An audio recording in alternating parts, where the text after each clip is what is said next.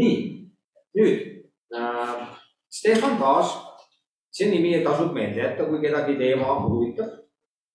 ta on Euroopa, ma arvan, üks äh, praeguse hetke kõige tugevamaid missiolooge. ta on kirjutanud mitmed raamatud, tema asju ma kindlasti soovitan, kui teid nagu teema kui niisugune üldse huvitab. lööge interneti sisse, kohe leiate ülesse. Äh, Amazonist leiate tema raamatuid, kui nagu huvi on. soliidne materjal, asjalik, sisukas, teoloogiliselt adekvaatne, hea ja ka väga praktiline. aga akadeemik? naa on viiskümmend või? naa on viiskümmend jah, ah. jah. võib-olla on vene keelde tõlgitud tema asju.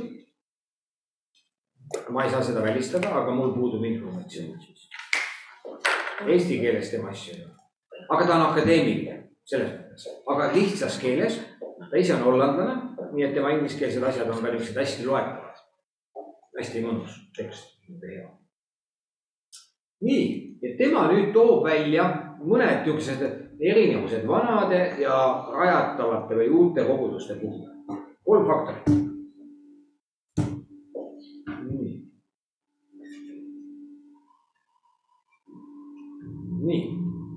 tema ütleb siis niimoodi, esiteks asukoht.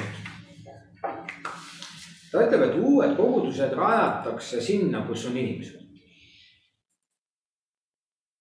kui samal ajal vanad kogudused on seal, kus elanikkond on stabiilne või isegi vähem.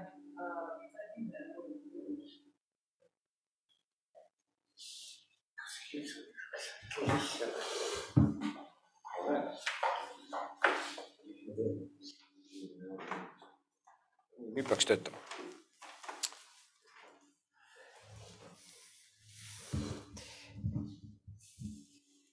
ta ütleb, et see on nagu trend või niisugune nagu, nagu asi, mis iseloomustab uusi kogudusi, et need on pigem seal, kus on inimesed.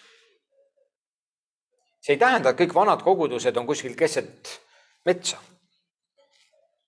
aga nad kipuvad olema kohtades, kus võib-olla enam ei ole nii palju inimesi. esimene asi on siis asukoht, teiseks mission, missionaarne fookus koguduses. ja ta ütleb niimoodi, et uutes ja tema nüüd toetub uuringutele, et selles mõttes ta lihtsalt ei arva midagi. ja ta ütleb niimoodi, et äh, uutes kogudustes pastorid soodustavad rohkem missiooni aktiivsust.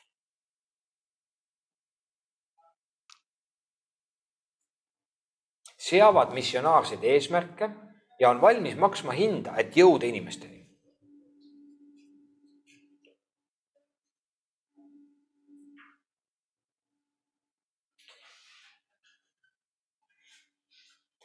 põhimõtteliselt töötavad kõvemini, rohkem, et äh, teenida inimesi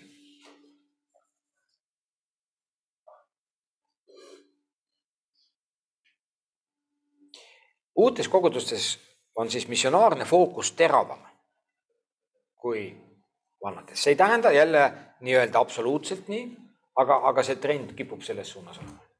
ja kolmandaks ta ütleb, et uutes kogudustes pastorid oma personaaliaga, oma isikuomadustega on rohkem entrepreneurial ehk eesti keeles ettevõtlikud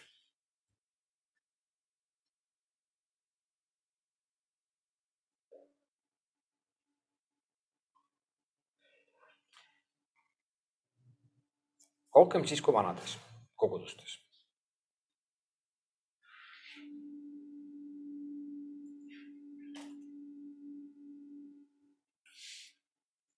kasutavad missiooni võimalusi, on julgemad võtma riske. ja tihtilugu ka uutes kogudustes pastorid tunnevad niisugust missionaalset kutsumust. olemasolevates kogudustes tihti pastorid tunnevad rohkem pastoraalset kutsumust hoolitseda selle koguduse eest, nende inimeste eest, nende heaolu eest, tagada nendele nagu hea turvaline keskkond. Äh, ja, ja, ja nagu tähelepanu on rohkem selle peal, mis meil on. uutes on tähelepanu rohkem selle peal, mida meil veel ei ole, aga mis võiks olla. mis sinna sisse kirjutatud, miks uus tekkis, eks ju. kas ma võiks oma, oma mõtteid jagada?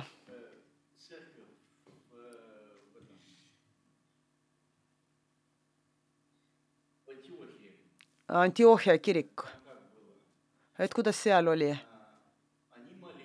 Nemad palvetasid, paastusid.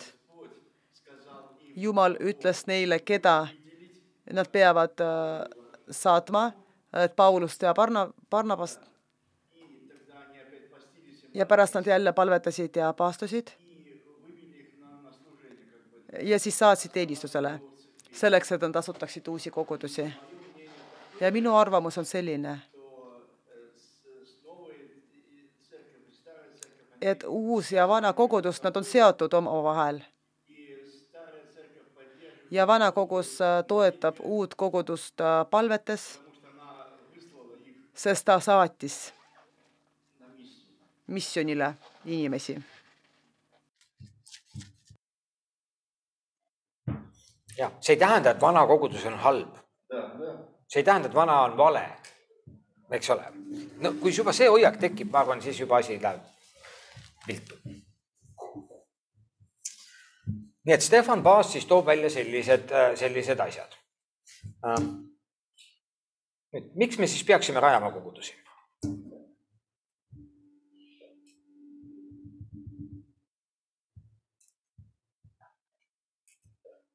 miks me siis räägime koguduste rajamisest? koguduste rajamine on parim evangelismi meetod. See on muidugi väide, mille üle võib arutada ja seda kindlasti ei tohi võtta niimoodi mustvalgelt.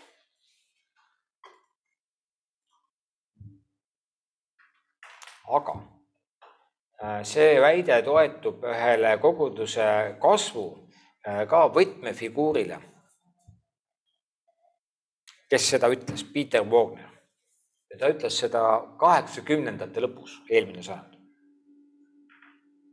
Kolmkümmend aastat tagasi vähemalt. et see on parim evangelismi meetod.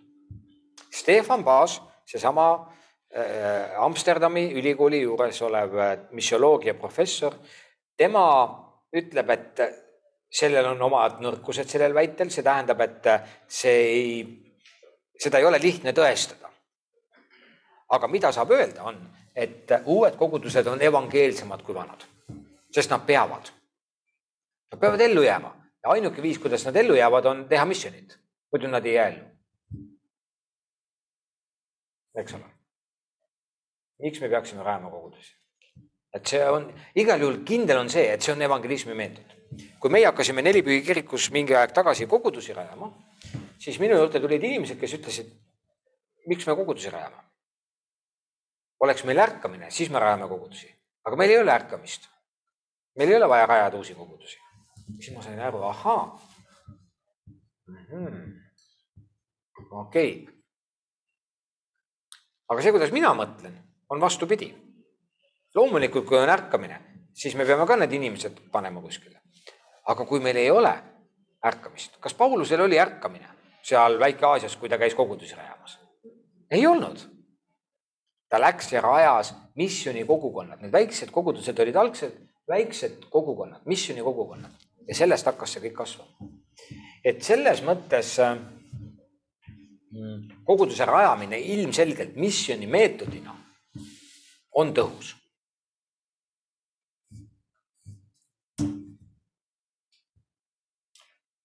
Ron Gladden, jälle üks mees, niisugune huvitav tema on öelnud niimoodi, kujutad ette, et su linnas on üks restoran. Kas siis käiks rohkem inimesi seal ühes restoranis söömas? võrreldes sellega, kui sul linnas on palju restorane. ja tema ütleb põhimõtteliselt niimoodi, et mida rohkem sul on restorane linnas, seda rohkem on eeldused, et inimesed käivad väljas söömas.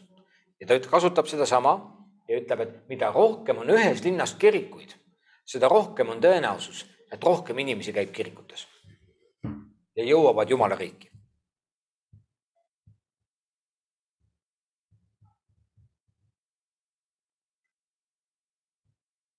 Meil Eestis seda väga palju ei ole, aga ma imestasin, kui meie Eesti inimesed käisid läänes ja ütlesid, et oi, et ühe tänava nurga peal on üks kirik, üle tänava teise nurga peal on järgmine kirik, kolmanda nurga peal järgmine ja siis veel neljas ka sealsamas. ja nad ei sega üksteist, nad ei, selles mõttes ei häiri. ja kõik teevad oma tööd, nendel kõigil on oma inimesed ja nad kõik toimivad. meil Eestis on natuke keeruline seda mõista.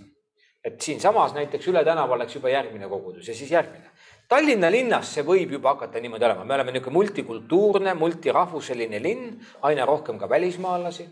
et siin ma näen, et me ei sega üksteist, aga kui sa lähed näiteks väiksesse Hiiumaale, Käinasse ja rajad sinna külje alla mitu kogudust ühe koguduse juurde, siis inimestel tõenäoliselt jookseb nagu kinni, et mis mõttes, et kas ei piisa, et meil on üks kogudus siin näiteks või? meil oligi nii, et meil oli kindel, kindel nagu see käina, sest et me leidsime, et Kärdlas on juba neid nii palju, et lähme sinna, kus midagi ei ole, et see oli meil no just, just.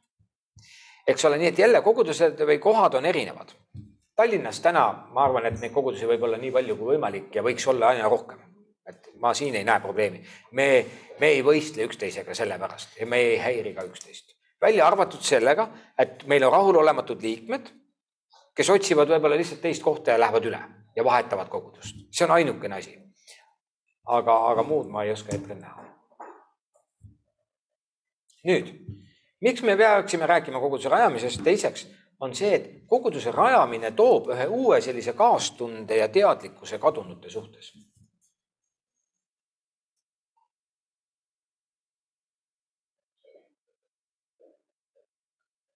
olemasolevates kogudustes meie suhtlemisring on teised kristlased ja meil ei juhtu mitte midagi, meie maailm ei kuku kokku, kui me mittekristlastega ei suhtle.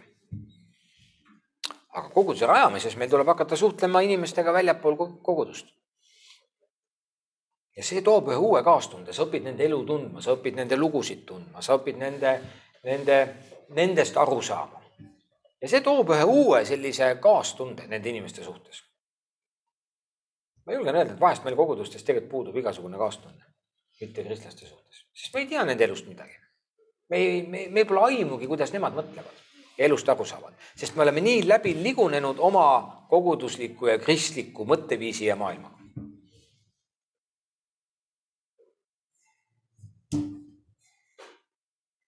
miks me peaks ajama kogudusi? vaja on palju erinevat tüüpi kogudusi. selline väide mida ma selle all pean silmas, on see, et äh, üks kogudus või isegi need mitmed kogudused, mis ühes linnas või piirkonnas on, ei kõneta kõiki inimesi selles piirkonnas. uus kogudus mingi uue nurga alt võib kõnetada teatud inimesi, kelleni teised kogudused ei jõua ja see tähendab seda, et mida rohkem on ka erinevat tüüpi kogudusi, seda suurem on tõenäosus, et ka erinevat tüüpi inimesed ühiskonnas jõuavad nendesse kogudustesse, mis, mis nendele nagu sobivad.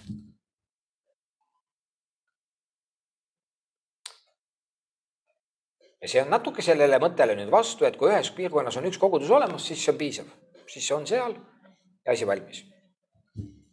me räägime praegu kontseptuaalselt eks ole, et nõnda, kui me läheme praktikasse, see läheb keerulisemaks ja vahel nagu, nagu veel tekib küsimusi, et kuidas praktiliselt siis toimib. aga ütleme suurtes linnades, multikultuursetes sellistes suurtes kogukondades, milleks on linnad. sinna mahub neid kogudusi nii palju kui võimalik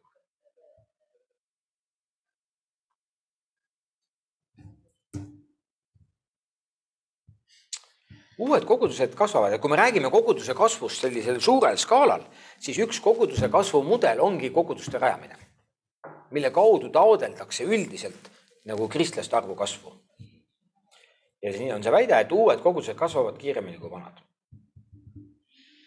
ja statistiliselt see üldiselt niimoodi kipub olema.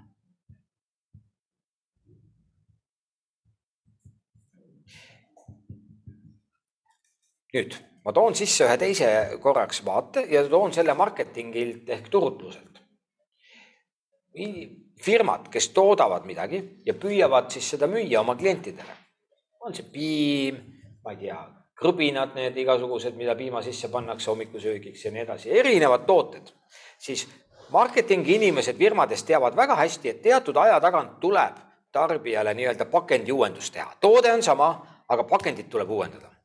See, kui sa seda ei tee, sa oled ajast maas. ja teised uuendavad ja saavutavad edu. mida ma tahan öelda, on see, et uutel kogudustel on nii-öelda see uus pakend, atraktiivne niisugune kuvand, millega nad juba tõmbavad inimesi ligi. ja see on nende eelis. kuidas hoida vanas koguduses nii-öelda ka seda värsket pakendit, see on väljakutse. see ei ole nii lihtne enam, eks ole. Nii et selles mõttes see ka põhjustab seda, et uutesse tuleb inimene nagu kergemini, sest seal on see uus lõhn juures nüüd jälle on inimesi, kellel ei sobi uus lõhn, kes tahavadki vana, traditsioonilist, seda rahulikku, mis iganes see on, eks ole, nii et selles mõttes äh, ilmselgelt see väide on, on kahepoolne. aga tervikuna tänapäeva moodne ühiskond toimib, väga palju inimesed lähevad pakendi järgi. Pakend müüb. disain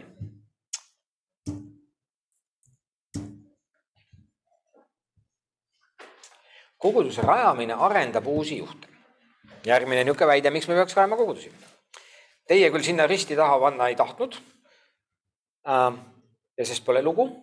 ma natukene selgitan seda laia, lahti ja mõte on selles, et uuel kogudusel ei jää muud üle, ta on sunnitud neid ilmikuid, kes vana koguduses võivad istuvad pingis ja ei tee midagi.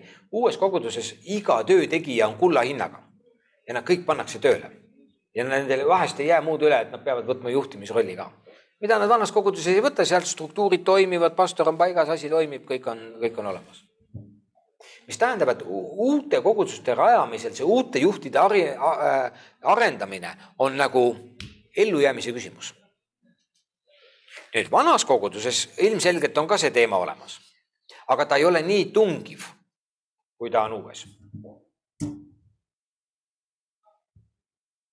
mis see L-step siin tähendab, see on väga huvitav väljend, teil on ka see seal või? see kast, mingi väga huvitav. eelmisel lehel oli. ja, ja see tuleb kaasa, mul ei ole sellist pandud, aga las ta olla. ma tahtsin just küsida, et mis. Ma jään, siin on kellegi, keegi on siia mingi väikse lutika pannud taha. mis see tähendab, ma ei tea. uued kogudused stimuleerivad ka vanemaid kogudusi.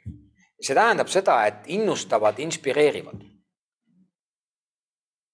ma toon lihtsa näite äh,. aastaid tagasi juba nüüd siis äh, kakskümmend seitse, kakskümmend kaheksa aastat tagasi äh,. mina, ma abiellusin. Ja ma märkasin seda, et kui mina abiellusin ja olin armunud ja, ja minu naine oli armunud ja mitte, et me nüüd ei ole, aga, aga, aga see kõik oli nagu värske algus niimoodi, siis ma märkasin, kuidas see, kuidas meie olime, kuidagi mõjus isegi minu vanematele ja kuidagi ma nägin, et nad ka kuidagi nagu olid teistmoodi. armunud inimesed on, neid on väga ilus vaadata. see on nii, nii tore. Armunud inimesed on toredad jah. et, et selles mõttes see stimuleerib teisi ka, eks ole. ja nüüd äh, koguduste puhul on nagu sama asi, et kui üks uus kogudus tõuseb ja nagu läheb ja teeb ja saavutab midagi ja lööb nagu läbi see innustab meid ka, kes me oleme ammu tegutsenud.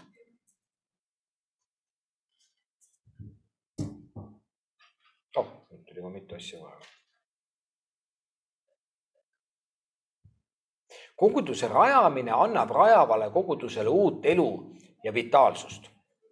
vaata, vaata uue, uue asja sünd, see on nagu uue lapse sünd see, see toob midagi nagu sinna sellesse asja sisse, seal on palju lärmi, kisa, mähkmeid, kõik see värk nagu käib täiega, aga seal on mingi elu, seal on mingi põnevus, seal on mingi asi, mida sa tihti ei leia sellest olemasolevast. et see annab sellele, et, et, et see on huvitav, et, äh, et uue elu sünd nagu käivitab midagi. ja, ja see, kui keegi hakkab rajama midagi uut, see nagu tekitab niisuguse õhina, põnevuse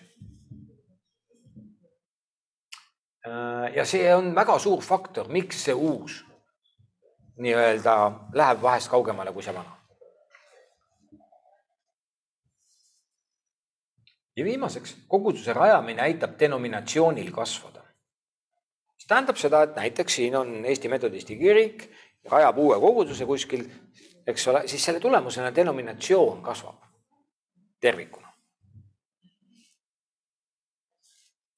me rajasime siin Nelipühi kirikus mingitel aastatel vahepeal äh, iga aasta ühe uue koguduse, me rajasime kuus kogudust. põhimõtteliselt kuue-seitsme aasta jooksul. ja täna Nelipühi kirikus näiteks on kolmkümmend viis siis kogudust. Et, äh, et ilmselgelt koguduse rajamine tervikuna nagu ka seda denominatsiooni nagu kasvatab.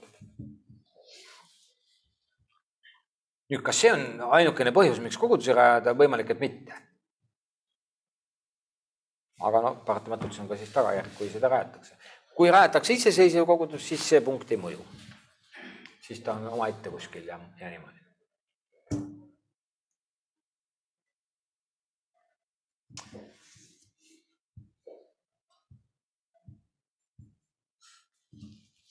Nüüd palun räägime natuke sellest, kuhu me paneksime siis ristid nende vastuväidete peale, mida te ise olete, olete ise mõelnud või mida te olete kuulnud inimesi räägitavat.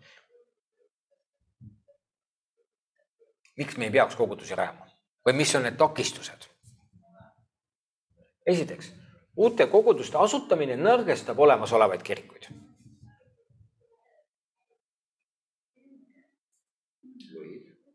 võib, eks ei tohiks. ei tohiks. Aga see mõtteviis tervikuna, ütleme nii, et meie oleme nüüd see olemasolev kogudus, me oleme siin päris hästi toimetanud ja nüüd meie siia ruumi tahab sisse, meie ruumi siia tahab sisse tulla veel üks punt inimesi ja tahavad ka alustada mingit asja siin. kas me tunneme ennast ohustatuna? me tunneme, eks ju, me tunneme ikkagi, et nad tulevad meie territooriumile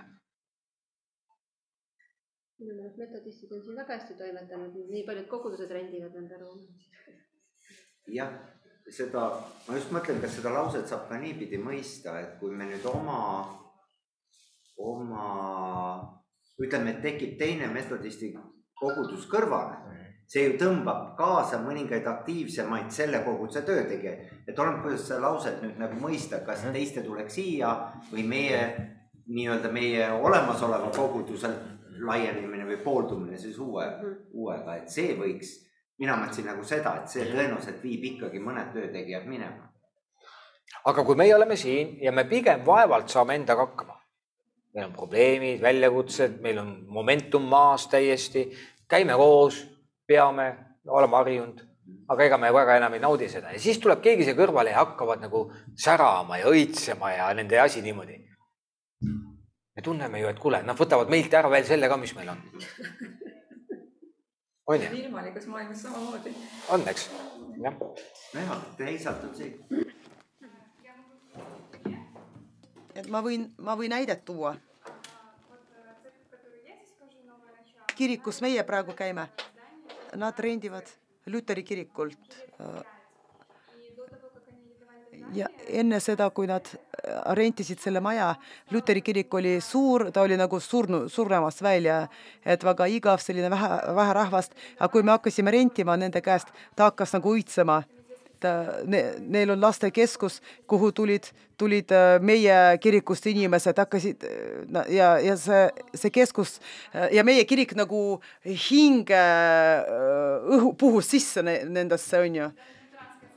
ja Luteri kirik hakkas ka kasvama, see on huvitav.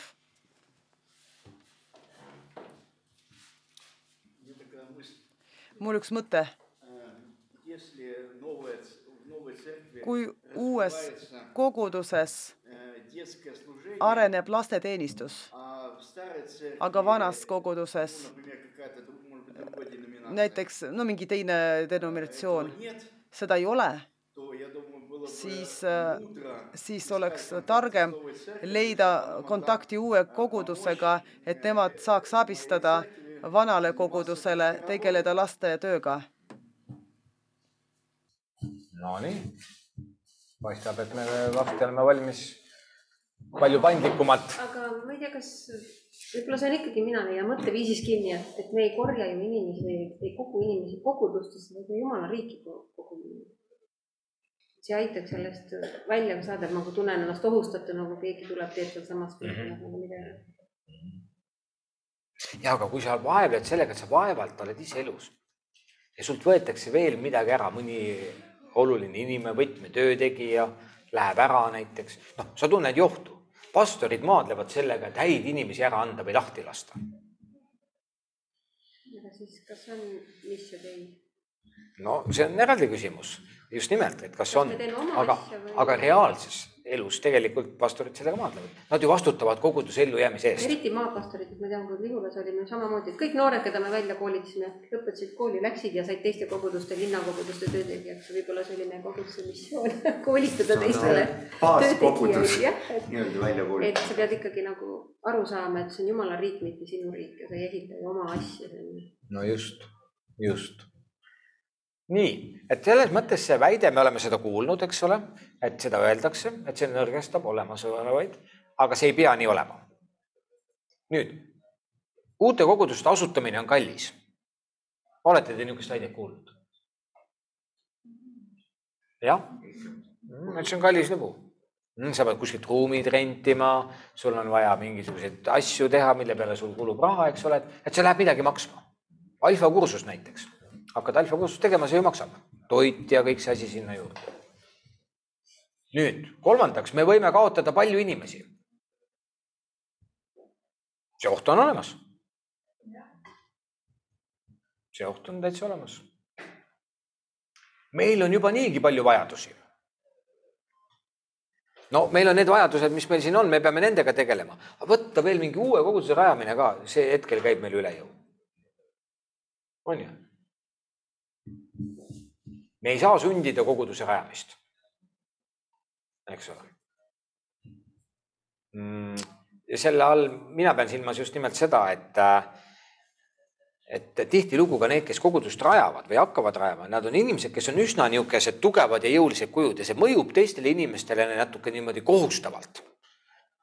sest et nad peavad midagi rajama, see on nii nagu buldooser, see on niisuguse suure jõuga, ta läheb ja teeb ja niisugune tunne, et ta võib ka midagi katki teha.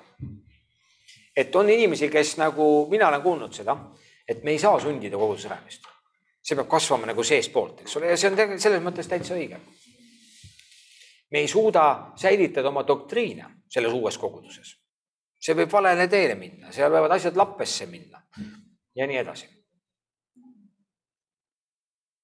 kirikute rajamine toob konfessionaalse konkurentsi.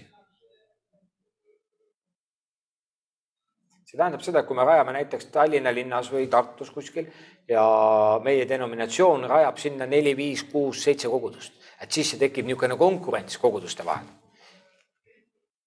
minu kogemus ütleb, et see ei ole probleem, mõned inimesed liiguvad. aga üldiselt, üldiselt see nii ei ole. üks kogudus iga linna kohta on Uue Testamendi praktika, mina olen seda kuulnud väga palju, sest see on nelipühi liikumises olnud väga juurdunud tõde, väga juurdunud tõde.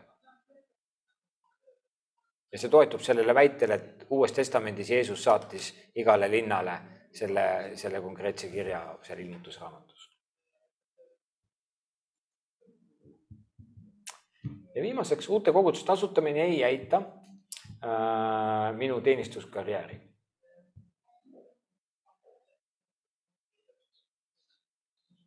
Teenistuskarjäär, noh, räägime vaimulikest, kelle võib-olla niisugune eesmärk või mõte ongi nagu nii-öelda saada pastoriks ja, ja nii-öelda teha karjääri justkui kirikus siis pastorina. niisuguseid inimesi on.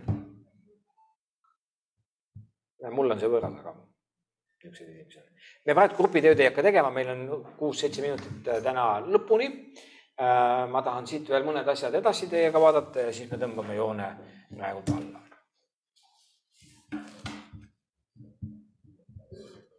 Ma sellega ka praegult ei hakka teiega siin seda tegema, jätame selle praegult vahele ah,.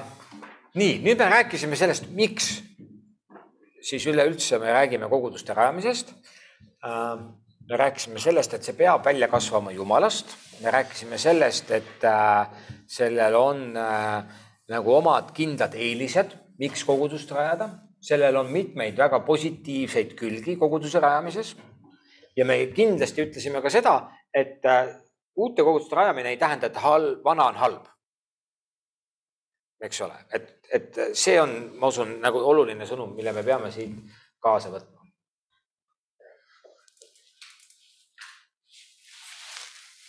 nüüd äh,, kuidas rajada kogudusi, kuidas äh,?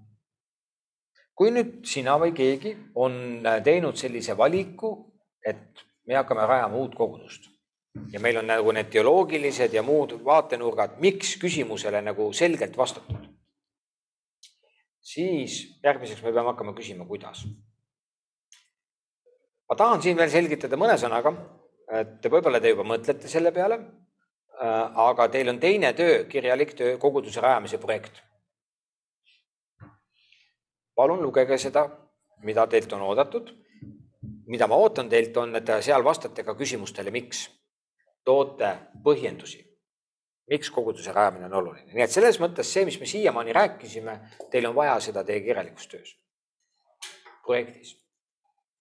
nüüd, kuidas rajada, see tegeleb põhimõtteliselt nende praktiliste küsimustega, millises stiilis äh, kogudus see on, on see modernne, on see traditsiooniline Äh, millises linnaosas, äh, kuhu täpselt äh, ja väga palju niisuguseid muid praktilisi küsimusi te,. Te, te, sellega tegeleb see küsimus, kuidas.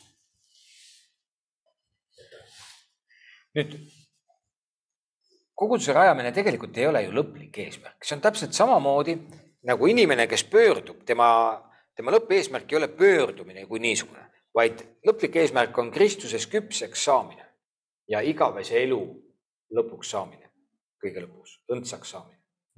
nii et see pöördumine on nagu üks vaheetapp, mis sillutab teed sellele. sama lugu on koguduse rajamisega, et eesmärk ei ole, kui me saaks ainult koguduse rajatud, siis on kõik korras. ja see, mis siin ennem oli mainitud, ma arvan, Kristel, sina mainisid seda, et, et tegelikult see laiem kontekst ongi see, et, et me tegelikult oleme siin kui Jumala riigi esindajad. me ei raja mingit oma asja, me ei ehita oma asja, me ehitame Jumala riiki, et see on nagu hästi oluline niisugune. see on niisugune hästi oluline äh, vundament selle juures.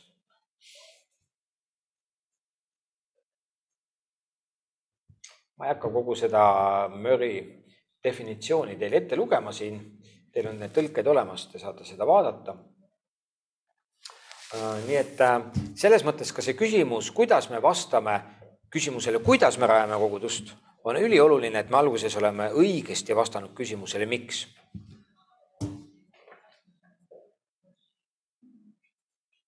nii, siin on, siin on seesama asi nüüd inglise keeles. nüüd niisugune julge väide koguduse rajamine on peamine väljendus Jumala missioonist selles maailmas. ja selle väitega ma täna tahan lõpetada, aga ma tahan seda natuke illustreerida. ma tahan seda illustreerida. siin on meil olemasolev kogudus. siin on Jumal. Jumal ja tema missioon, mille ta on andnud kogudusele.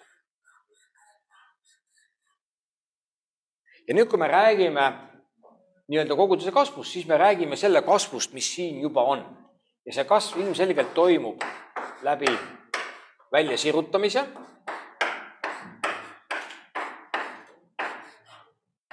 ja me räägime ikkagi siin missionaalsest kasvust ennekõike, eks ole, et see kasv toimub läbi selle, et siit inimesed tulevad siia see on see olemasolev kogudus. kui me nüüd räägime uue koguduse rajamisest, siis põhimõtteliselt me räägime ühest missiooni suunast, võtame näiteks selle siin ja selle eesmärk on siia rajada uus kogudus. nii, ja nüüd see uus kogudus, mida me siia rajame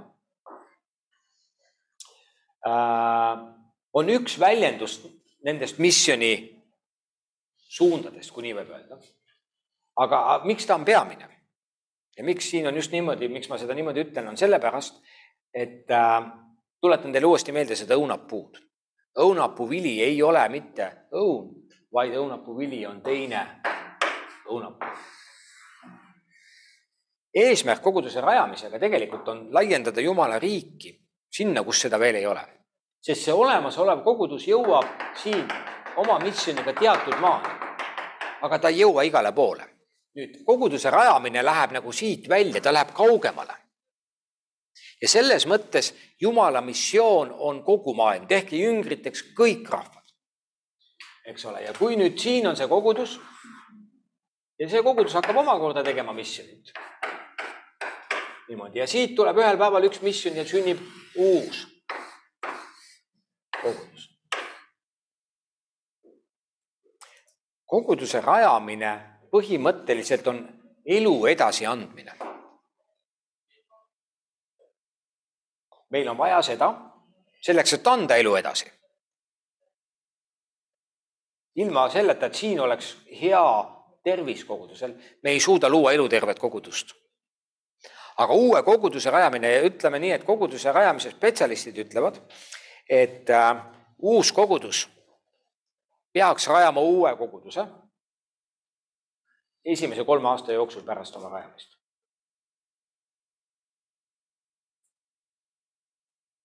kulmud lähevad krimpsuma. nii ruttu kui võimalik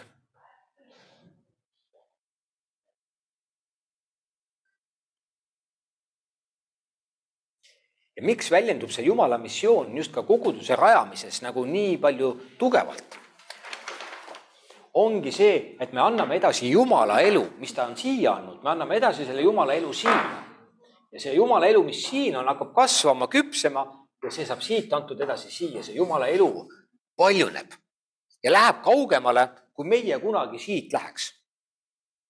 nii et põhimõtteliselt idee ei ole mitte see, et me lihtsalt rajame uue koguduse ja oi, meil on milline tore, armas laps meil nüüd on, vaid eesmärk on, et see siin saaks nii küpseks, et annaks elu edasi. Vanemate, lapsevanemate põhiline eesmärk elus on kasvatada oma lapsed niimoodi üles, et nad oleksid iseseisvad. et nad saaksid oma eluga ise hakkama, see on põhieesmärk. et nad saaks vanemate küljest lahti nii nagu Jumal ütles alguses juba, mees hoiab naise poole ja ütleb lahti oma isast ja emast.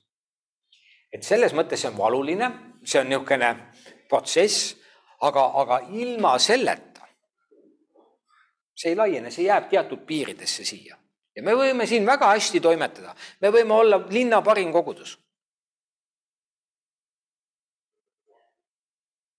aga kõik, kogu linn ei tule ühte kogudusse me vajame erinevaid kogudusi. ja see siin võib olla teisenäoline, see võib olla teistsugune. ma teile veel tutvustan neid erinevaid mudeleid koguduse rajamise puhul ja siin on erinevaid võimalusi, kuidas seda uut nagu teha. aga põhimõtteliselt see on see idee. Nii. suur tänu teile. me lähme siit edasi järgmine kord, kuu aja pärast. ja soovin teile siis ilusat kevade jätku